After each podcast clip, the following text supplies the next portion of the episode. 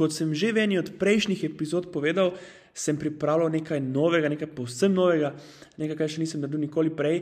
In jutri, torej v ponedeljek ob šestih popoldan, se uradno začne in to je marketinški izziv, namenjen vsem podjetjem, ki niso profitabilni v spletnem marketingu, tako bi si želeli, in vsem tistim podjetjem, ki se nekega pravega tistega internetnega marketinga še niso niti lotili, ker mogoče ne verjamejo, da je to za njih izvedljivo, ali pa mogoče nimajo tistega ustreznega znanja.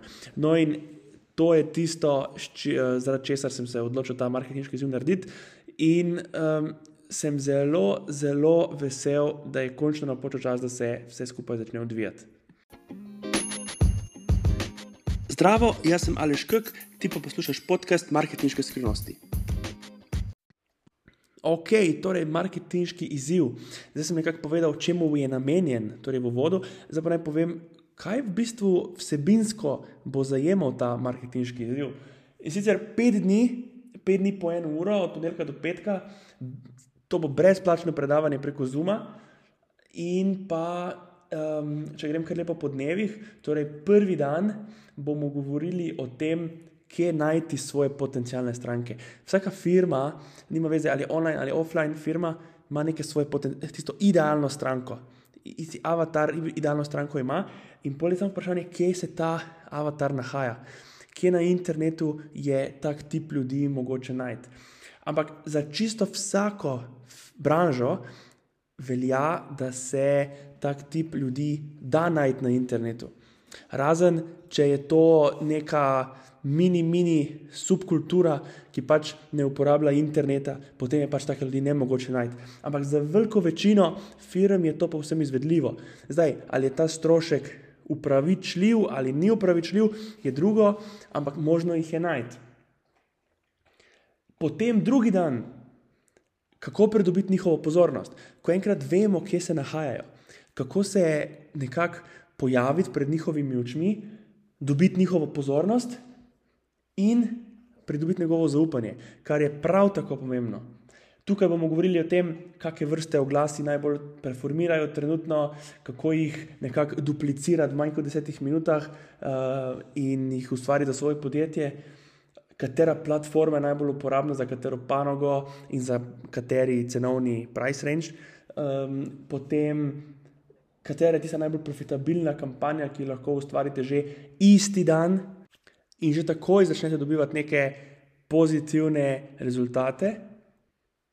Potem tretji dan, kako obiskovalca spletne strani pretvoriti v stranko, kakšna mora biti spletna stran, kakšna mora biti formula, struktura. Da se oglaševanje izplača in da se vsi ti obiskovalci, website vizitorji, nekako pretvorijo ali v kupca, ali pa pač v potencijalno stranko, ki je ravno kar oddala popraševanje. To je cela neka znanost, cela neka matematika zadaj. Uh, absolutno ne morem reči, da vem na to temo vse, ker sem uh, v tej igri samo 6 let, ko bom v tej marketinški igri 26 let, bom vedel verjetno bistveno več, kot vem danes.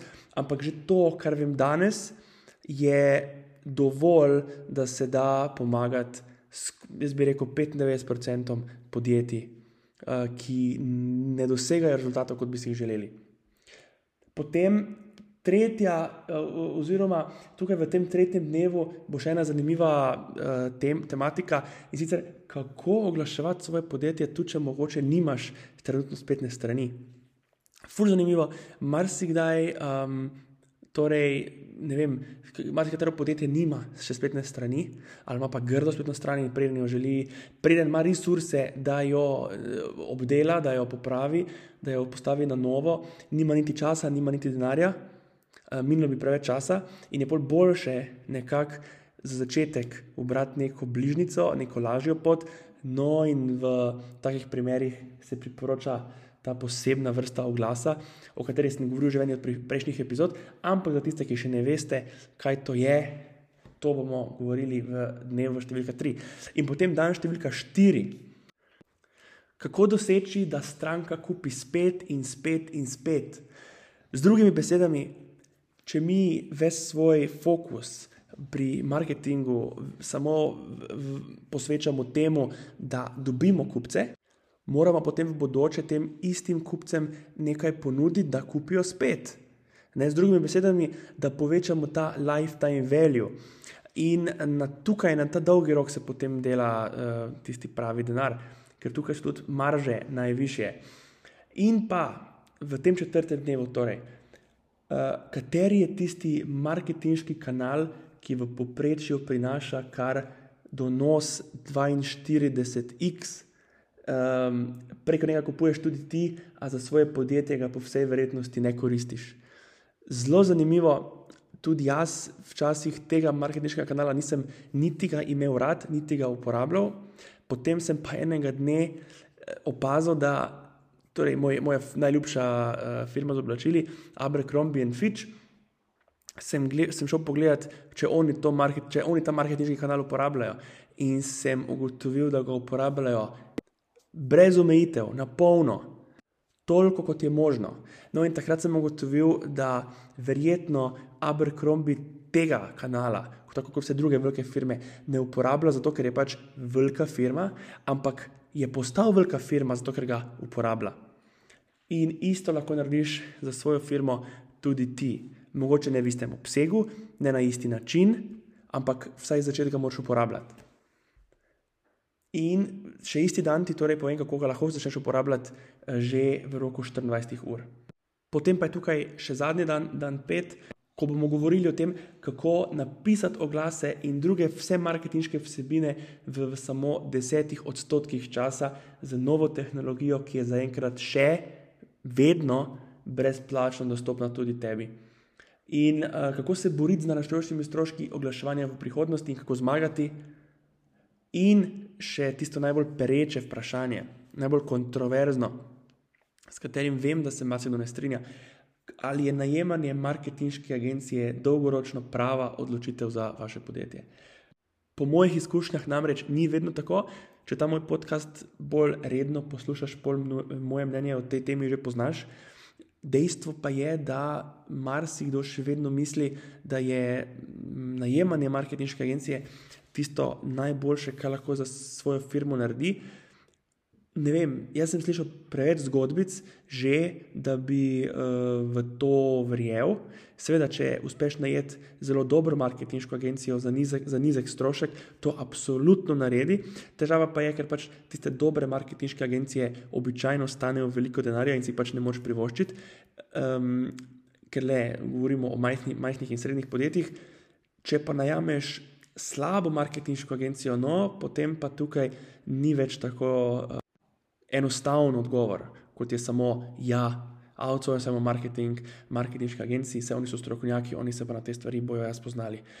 Preveč sem teh zgodbic slišal in ravno zaradi tega. Te zgodbice so bile nek povod, zakaj sem se odločil to, ta cel marketinški izziv narediti, zato da ozavestim te navadne podjetnike, ki se ne ukvarjajo primarno z marketingom, ki se ne spoznajo primarno na marketing, ki se primarno ukvarjajo s svojim poslom, za svojo panogo, in so na voljo svojim klientom desetletja, se ukvarjajo z njihovimi potrebami, njihovimi problemi, ne pa z marketingom. In za tem izzivom jih želim nekako ozavestiti, povedati, kaj se da z marketingom narediti, neka realna pričakovanja vzbuditi.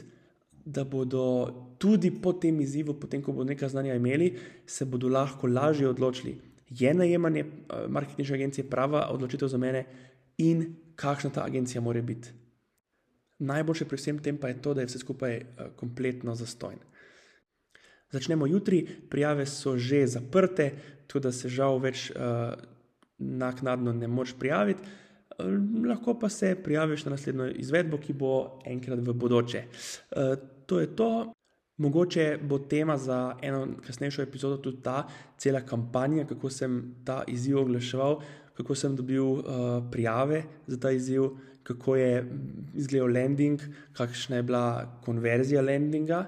Bila je full dobra, ampak bom pojasnil, zakaj je bila full dobra, in tako naprej. En full dobro case study, zaenkrat uspešen, bomo pa videli, kakšen bo na koncu rezultat po koncu teh petih dni. To je to, kot vedno, vabim te, da se subskrbiš na uh, podcast Marketinške skrivnosti, kjer z veseljem že več kot pol leta s tabo delim tiste najbolj profitabilne, najbolj učinkovite marketinške strategije, ki jih sam uporabljam v svoji praksi. Se poslušava v naslednji epizodi in lepo bodi še naprej.